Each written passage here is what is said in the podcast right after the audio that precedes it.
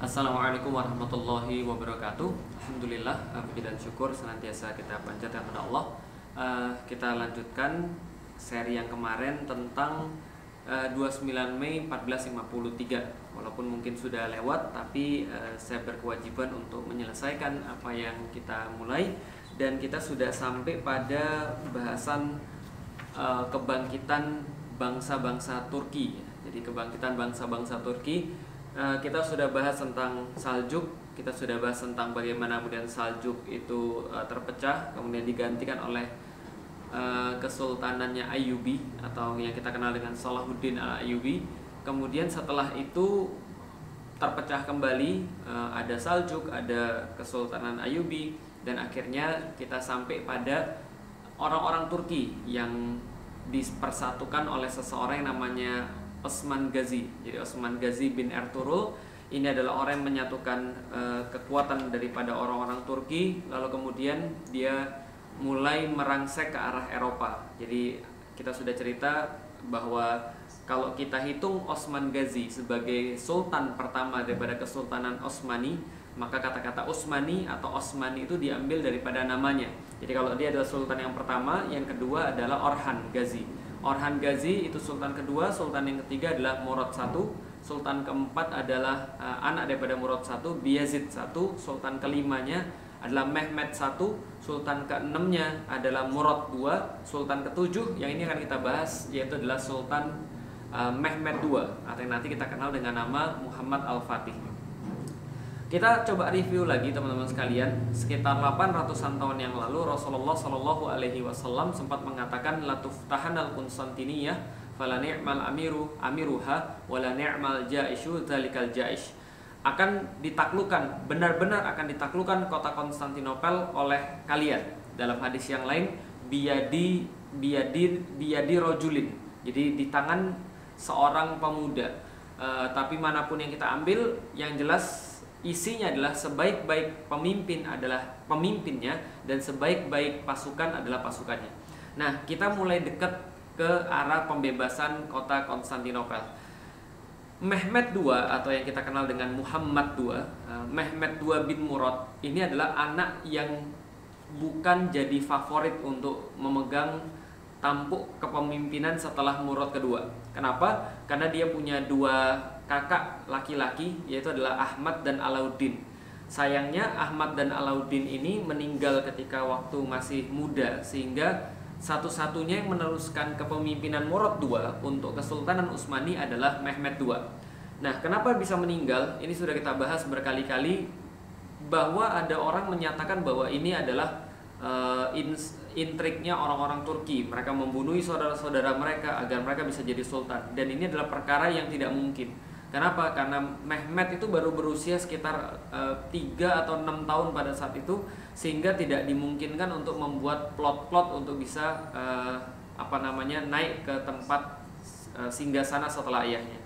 Tapi uh, apa pun yang bisa kita lihat yang sudah pasti adalah sejarah membuktikan bahwa sepanjang sejarah orang-orang Utsmani itu orang-orang Romawi Bizantium senantiasa membuat plot-plot untuk bisa menjatuhkan Kesultanan Utsmani mereka melakukan dengan cara memelihara para pemberontak, mereka melakukan dengan cara untuk mengancam mengancam kesultanan yang sah dengan membawa uh, orang yang dianggap bisa mengambil kesultanan itu. Misalnya contoh ketika sultan ini ada eh, orang-orang Turki sudah mengangkatnya sebagai sultan, maka dia mengambil oh ini pamannya, ini yang berhak jadi sultan sehingga situasi menjadi kacau balau. Ini yang mereka lakukan. Ini yang orang-orang uh, Romawi Bizantium lakukan.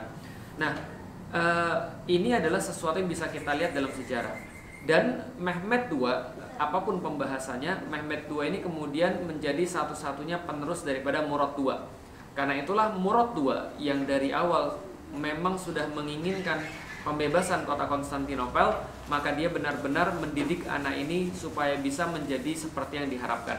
Nah, ini poin pentingnya Ketika kita membahas tentang pembebasan kota Konstantinopel, maka kita tidak bisa melepaskan eh, pembahasan ini daripada pendidikan pembebas-pembebas itu. Kita tidak bisa melepaskan daripada pendidikan pemberani-pemberani yang kelak nanti akan menjadi eh, pembebas Konstantinopel. Dan ini yang penting di zaman sekarang, terlebih lagi di zaman sekarang. Kenapa? Karena orang melupakan esensi daripada pendidikan itu sendiri dan mereka mulai untuk meniru gaya-gaya barat untuk mendidik anak-anak mereka. Misal, kalau kita berbicara tentang pendidikan kapitalis, pendidikan gaya barat, maka tujuan mereka mendidik seorang anak adalah untuk membawa anak ini sukses di masa depan. Hanya saja dalam pandangan orang-orang barat kesuksesan ini senantiasa dimaknai dengan materi.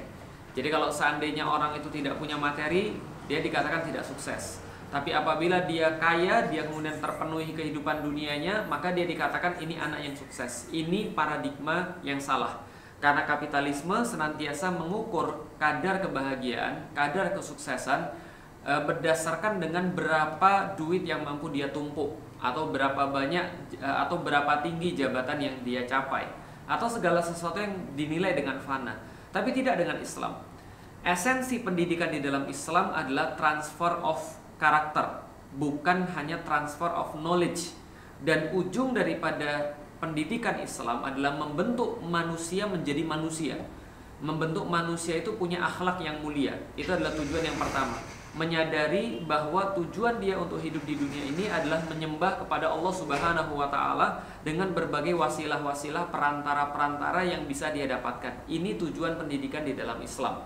Maka tolok ukur daripada pendidikan di dalam Islam dianggap berhasil apabila mereka faham tentang siapa diri mereka, kepada siapa mereka harus menyembah dan bagaimana bisa berbuat sebaik-baiknya untuk kebahagiaan dirinya yaitu adalah taat kepada Allah Subhanahu wa taala. Ini sangat jauh berbeda. Karena itulah dalam sistem pendidikan barat mereka sangat fokus pada transfer of knowledge, bagaimana mentransfer ilmu. Tapi perlu kita sampaikan teman-teman sekalian, kalau seandainya anak-anak kita itu hanya perlu knowledge, hanya perlu uh, ilmu, maka sebenarnya mereka nggak usah pergi sekolah sebenarnya. Kenapa? Ya nggak usah sekolah, kasih aja YouTube, kasih aja Google, kasih aja internet paket unlimited di situ mereka sudah bisa belajar mereka bisa belajar bahasa, mereka bisa belajar bahkan untuk buat senyawa senyawa-senyawa kimia, mereka bisa belajar untuk nulis, mereka bisa belajar untuk apa namanya membuat apa pun yang mereka uh, mereka perlukan, mereka bisa belajar untuk akuntansi, mereka belajar bisa belajar marketing. Kalau misalnya cuma perlu dunia, YouTube, Google itu sudah cukup. Tapi pertanyaannya adalah apakah karakter itu bisa ditransfer oleh internet? Jawabannya tidak. Kenapa? Karena dalam sejarah Islam kita bisa membuktikan bahwa transfer of karakter itu dilakukan oleh manusia, dilakukan oleh ulama yang punya kredibilitas, yang punya karakter juga untuk mentransfer itu pada murid-muridnya. Maka kita bisa melihat dalam sejarah teman-teman sekalian bahwa tidak mungkin dihasilkan orang-orang yang berakhlak baik kecuali oleh guru-guru yang berakhlak baik. Tidak mungkin dilahirkan para pemberani kecuali oleh oleh para pemberani karena seekor singa tidak dididik oleh serigala dan seekor gagak tidak terbang bersama elang. Artinya kita mendapatkan keberanian dari orang pemberani, kita mendapatkan kejujuran dari orang jujur. Kita tidak hanya menginginkan anak kita pinter dan menghasilkan, tapi kita pengen mereka jadi manusia, berakhlak mulia. Nah, karena itulah dari situ Muhammad Al-Fatih Eh, sesuai dengan kebiasaan orang-orang Turki, mereka senantiasa memilihkan ulama-ulama terbaik bagi anak-anaknya yang kelak akan dipersiapkan untuk menyambut hadis Rasulullah Shallallahu Alaihi Wasallam berupa pembebasan kota Konstantinopel. Maka ayahnya Murad kedua itu mengutus agar mencarikan ulama-ulama terbaik bagi anak-anaknya. Maka banyak sekali ulama-ulama yang yang menemani Muhammad kecil ini uh, dan mendidik dia sejak kecil dengan Al-Quran, dengan eh, ilmu-ilmu sains, dengan bahasa dan seterusnya. Tapi ada dua ulama yang sangat-sangat berpengaruh dalam kehidupan uh, Muhammad kecil ini atau yang kita kenal dengan nama Mehmet II. Ini adalah uh, Syekh Ahmad Al-Qurani dan yang kedua adalah Syekh Ak Syamsuddin. Ini dua ulama yang sangat berpengaruh. Kenapa? Karena mereka bukan hanya ulama biasa. Syekh Ahmad Al-Qurani itu keturunan langsung daripada Abu Bakar As-Siddiq sehingga kita bisa tahu dari nasab gurunya ini pengetahuannya tentang Al-Quran sangat hebat sekali. Dan dia ditugaskan untuk membesarkan Muhammad Al-Fatih menginstal satu-satunya hal yang paling penting yang harus diinstal pada anak-anak yaitu adalah Al-Quran. Maka di bawah didikannya inilah Muhammad kecil ini bisa menghafalkan Al-Quran dalam waktu 8 tahun. Jadi kita tahu anak-anak sultan ini kan belum tentu mereka punya attitude yang baik, belum tentu mereka punya akhlak yang baik. Maka satu waktu ketika mereka uh, datang, ketika uh, gurunya datang kepada Muhammad kecil ini, maka dia mendapati uh, tingkah lakunya Mehmet ini masih masih apa ya? Kalau bahasa sekarang petakilan ya kali ya. Jadi kurang hormat pada gurunya. Ketika dia mendapati begitu, dia bilang sama sama ayahnya Sultan Murad yang pada saat itu masih memimpin Utsmani dia bilang e, wahai sultan boleh nggak saya mendidik anak ini dengan cara saya? Maka Sultan Murad berkata e, silahkan wahai syekh. Sesungguhnya anaknya sudah kita serahkan kepada engkau. Silahkan dididik seperlu apa pun. Silahkan gunakan caramu. Maka uh, Syekh Ahmad Al Qurani bawa kayu lalu kemudian manggil Mehmet sini. Setelah dipanggil kayu itu dipukulkan kepada Mehmet. Maka saat itu uh, muncullah rasa rasa hormat daripada Mehmet kepada gurunya maka dia tidak lagi meremehkan pelajarannya, dia menganggap serius ketika gurunya datang, bahkan ketika sudah besar dia mengatakan pada penulis sekretarisnya bahwa semua syekh itu ketika berada di hadapan saya mereka mencium tangan saya. E, mereka mereka merasa terintimidasi dengan saya. Tapi beda dengan Syekh Ahmad Al-Qurani. Ketika dia datang saya yang merasa terintimidasi dengannya dan saya akan mencium tangannya. Ini penghormatan uh, Mehmet kecil kepada ulama yang sampai besar kemudian dia melakukan itu terus menerus maka uh, Muhammad kecil ini juga ketika dipukul dengan kayu ini adalah pukulan yang barokah menurut saya. Kenapa? Karena gurunya ya ngerti bagaimana cara mendidik anak-anak. Jadi kalau orang soleh itu ya mukul aja itu punya barokah. Jadi orang soleh itu ya guru yang benar itu ya kalau mukulnya aja itu menghasilkan sesuatu. Jadi mukul anaknya lah hafal hafal Quran jadinya Uh, itu beda dengan guru-guru zaman sekarang yang nggak soleh ya. Kalau mukul lu emosi. Nah tapi kalau ini tidak. Dan bagaimana dengan pukulan ini? Mehmet mengatakan ketika dia sudah besar, ketika sudah jadi sultan, kalau nggak karena pukulan itu saya nggak akan jadi seperti sekarang. Jadi pukulan itu benar-benar mengubah dia. Jadi uh, kita bisa tahu bahwa uh, Syekh Ahmad Al-Qurani ini kemudian mengajarkan kepada Muhammad Al-Fatih yang nanti kita kenal sebagai Muhammad Al-Fatih tentang pendidikan Al-Quran dan dia menghatamkan Al-Quran ketika berumur 8 tahun. Nah, ini adalah sesuatu yang sangat istimewa. Pelajarannya adalah install Al-Quran sebelum segala-galanya. Karena Al-Quran ini adalah sebuah petunjuk daripada Allah Subhanahu wa taala kitab yang paling suci, kitab yang paling uh, penting dan dia memuat seperti apa sih hidup manusia itu harusnya. Jadi kalau orang itu sudah diinstal dan berpegang dengan Al-Quran, maka sebenarnya dia nggak perlu apa pun lagi. Dia nggak perlu tentang pendidikan apa pun lagi kecuali cuma melengkapi saja. Tapi semuanya sudah di cover oleh Al-Quran terkhusus pada keimanan dan prinsip di dalam kehidupan uh, manusia. Nah ini uh, yang bisa kita lihat pada kehidupan awal Muhammad kecil.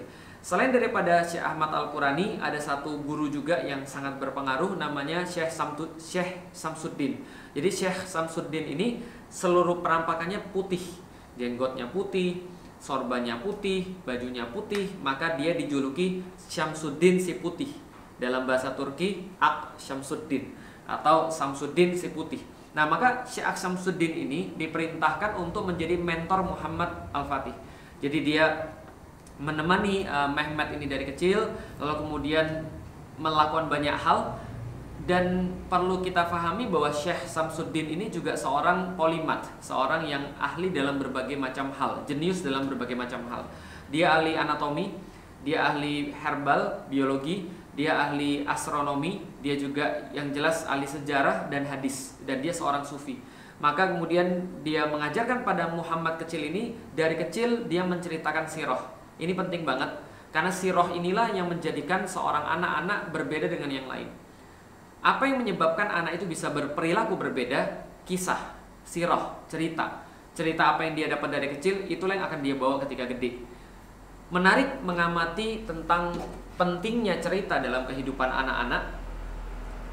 Silakan bayangkan sendiri, apa sih yang paling kita ingat tentang tentang diri kita, tentang bagaimana kita membentuk sebuah nilai dalam diri kita mostly daripada kita mengingat itu dari kecil.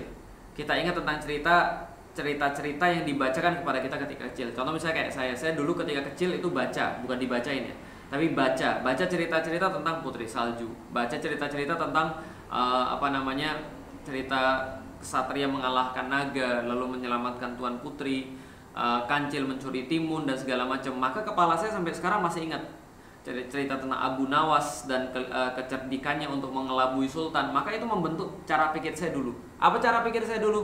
Oh berarti sultan tuh goblok ya karena bisa di uh, di dibodohi terus. Dan dia zalim maka kemudian Abu Nawas ini seolah-olah membodohi sultan karena kezoliman sultan ini.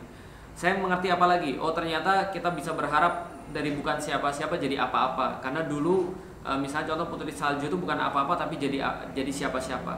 Atau seperti naga yang menyelamatkan tuan putri. Kita berharap jadi kita jadi kayak begitu. Kita dibesarkan dengan cerita. Orang Indonesia dibesarkan dengan cerita. Menarik. Kalau kita lihat cerita yang paling keren di Indonesia yang paling uh, umum di Indonesia adalah kancil mencuri timun. Nah, coba lihat. Kalau cerita dari dulu adalah kancil mencuri timun wajar nggak sekarang banyak maling? Wajar nggak sekarang banyak pencuri? Nah, kenapa? Terinspirasi dari kecil Binatang apa yang paling cerdas? Kancil. Kenapa? Mencuri timun. Maka dia terinspirasi jadi maling. Kenapa? Maling itu ya istimewa. Apalagi ceritanya? Ada cowok ngintip cewek mandi. Ternyata ceweknya bidadari. Bidadari itu kemudian meninggalkan segala macamnya ketika mandi, lalu kemudian selendangnya dimaling sama cowok ini yang ngintip tadi, supaya cewek ini yang bidadari nggak bisa terbang ke kahyangan. Singkat cerita, ceweknya nggak bisa terbang, lalu kemudian dia kawin sama yang maling. Cerita macam apa ini? Tapi ini menjadi cerita kita gitu loh. Semua anak-anak paham tentang cerita kayak begini. Apa pesan moral yang masuk dalam diri mereka? Maling bisa kawin sama bidadari. Uh, kejahatannya goes unpunished. Kejahatannya berlalu begitu saja tanpa mendapatkan hukuman. Malah hukuman malah dalam tanda kutip hukumannya berhasil menikahi bidadari. Lah siapa nggak mau jadi maling kalau begitu? Cerita apa lagi? Kura-kura lomba lari sama kancil. Kancilnya ke mana-mana berhenti mana-mana berhenti tidur meremehkan. Ujung-ujungnya kura-kuranya yang menang. Pesan moralnya kamu harus rajin. Kalau kamu nggak rajin kamu kalah sama orang bodoh. Ya pesan moralnya benar. Tapi kenapa nggak ada yang mikir? Kenapa harus alon-alon waton kelakon biar lambat asal selamat? Kenapa nggak ada yang mikir cepat tapi selamat? Kisah-kisah ini mempengaruhi. Nah Muhammad Al-Fatih nggak diceritakan semua kisah-kisah yang murahan kayak begitu. Tapi Muhammad kecil ini diceritakan dengan kisah-kisah yang original kisah-kisah yang membangun. Kisah apa? Ada nggak kisah yang lebih baik daripada kisah para rasul? Kisah Nabi Muhammad Sallallahu Alaihi Wasallam. Ini yang diberikan pada Muhammad kecil oleh Syekh Aksyamsuddin. Setiap hari dia dikisahkan tentang sirah, setiap hari dia dikisahkan bagaimana tentang uh, para nabi, khususnya diceritakan sirah nabawiyah Nabi Muhammad Sallallahu Alaihi Wasallam bagaimana akhlaknya, bagaimana dia memperlakukan kawannya, bagaimana dia memperlakukan musuh-musuhnya, bagaimana ketegaran perjuangannya di dalam Islam, bagaimana keistiqomahan beliau, kejujuran beliau dan keyakinan beliau dengan Allah Subhanahu wa taala, tawakalnya beliau, bagaimana sikap beliau dalam menghadapi satu permasalahan-permasalahan dan permasalahan-permasalahan yang lain, semua diasup kepada Muhammad kecil ini sehingga kepalanya itu penuh dengan kisah para nabi, khususnya Nabi Muhammad sallallahu alaihi wasallam.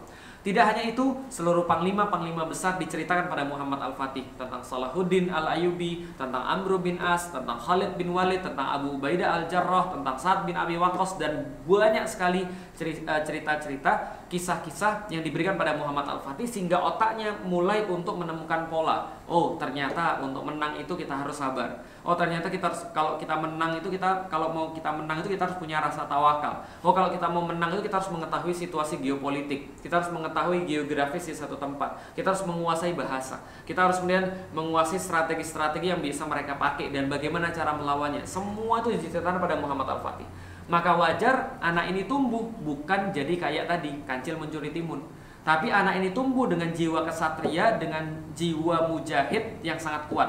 Apalagi dia sudah punya ketur, uh, memang dari keturunan nasab yang orang-orang keren.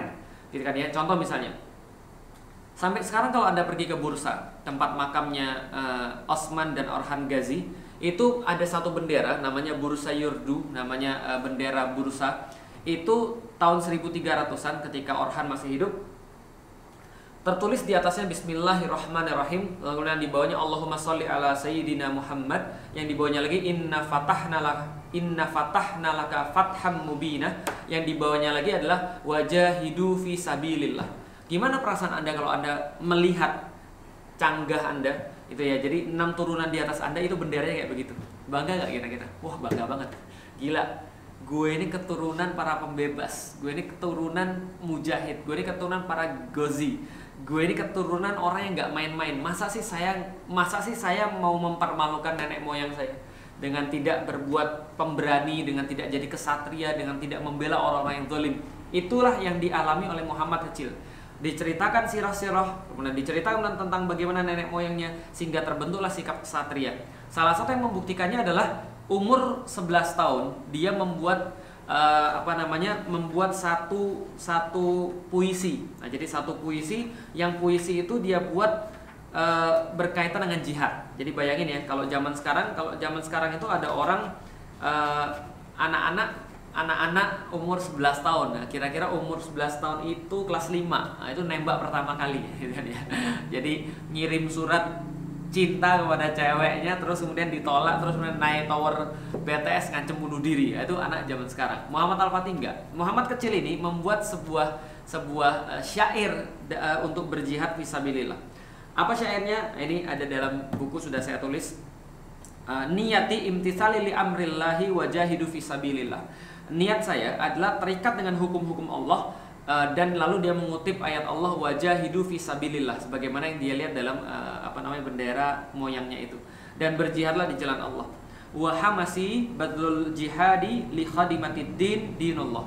Dan uh, hamasi semangat saya itu adalah untuk mengerahkan kekuatan saya yang paling besar untuk melawan jihad visabilillah untuk kemudian uh, membela menjadi pelayan agamaku agamanya Allah. Wa azmi an akhirul ahlul kuffar jami'an bijunudi jundullah dan uh, dan tekadku adalah memerangi para orang-orang yang menentang Allah dengan tentaraku, tentara-tentara Allah. Wa tafkiri uh, mansubun alal fath, alal nasr wa alal fauz bilatifillah. Dan uh, pusat pemikiranku adalah bagaimana caranya untuk senantiasa mendapatkan pertolongan, mendapatkan kemenangan dan kejayaan dengan kelembutan Allah Subhanahu wa taala. Wajihadi uh, bin nafsi wal mal. Famada fit dunya ba'da li imtithali li amrillah. Dan uh, dan jihad saya adalah dengan harta dengan nyawa dan harta saya. Lalu dia mengatakan apa apalagi yang tersisa di dunia ini setelah kita bisa berjihad di jalan Allah. Wa ashwaki uh, an al-ghazu wal ghazu mi'atal alafi minal marrati liwajhillah. Dan kerinduan saya adalah berperang dan berperang berjihad dan berjihad ratusan kali untuk mendapatkan ridha Allah Subhanahu wa taala. Raja'i fi nasrillah wasummu daulati ala a'daillah. Dan uh, dan harapan saya adalah bagaimana saya bisa mendapatkan kemenangan pertolongan daripada Allah. Dan ketinggian negeriku daripada musuh-musuh Allah. Nah, ini yang buat anak 11 tahun. Jadi anak 11 tahun sudah membuat sebuah uh, puisi, sebuah syair tentang jihad visabilillah. Ini adalah produk-produk daripada sirah yang benar, kisah yang benar, cerita yang benar. Nah, maka anak-anak kita juga sama. Harusnya kita kisahkan pada mereka bukan kisah-kisah yang salah, tapi kisah-kisah yang membangun, kisah-kisah yang membentuk kepribadian mereka, kisah-kisah yang membentuk mereka menjadi seorang kesatria, menjadi orang-orang yang diperlukan pada zaman ini. Bukan memperbanyak nonton hal-hal yang tidak bermanfaat. SpongeBob misalnya, kemudian nonton apa lagi misalnya, perkara-perkara yang lain, kartun-kartun yang bohong, kartun-kartun yang bahkan merusak jiwa mereka. Ini ini yang harus dijauhkan daripada anak-anak kita install Al-Quran pada mereka oleh ulama yang baik dan kisah-kisah sejarah. Tiga ini yang membuat Muhammad Al-Fatih menjadi berbeda dengan yang lainnya. Tiga, satu adalah ulama, karena ulama yang mentransfer karakter pada anak-anak. Yang kedua adalah Al-Quran, karena Al-Quran adalah menjadi dasar daripada segala sesuatu. Kalau seandainya fondasinya sudah bagus, maka apa pun yang dibangun di atasnya terserah, bisa. Yang ketiga adalah sejarah, tentang referensi-referensi yang baik. Karena mereka berpikir mereka berkata, mereka berbuat, mereka berkecenderungan berdasarkan apa yang menjadi kisah yang diceritakan pada mereka ketika awal. Insya Allah kita lanjutkan bagaimana pembentukan Muhammad Al-Fatih dan bagaimana Muhammad Al-Fatih kemudian meniti jalannya menuju pembebasan Konstantinopel. Assalamualaikum warahmatullahi wabarakatuh.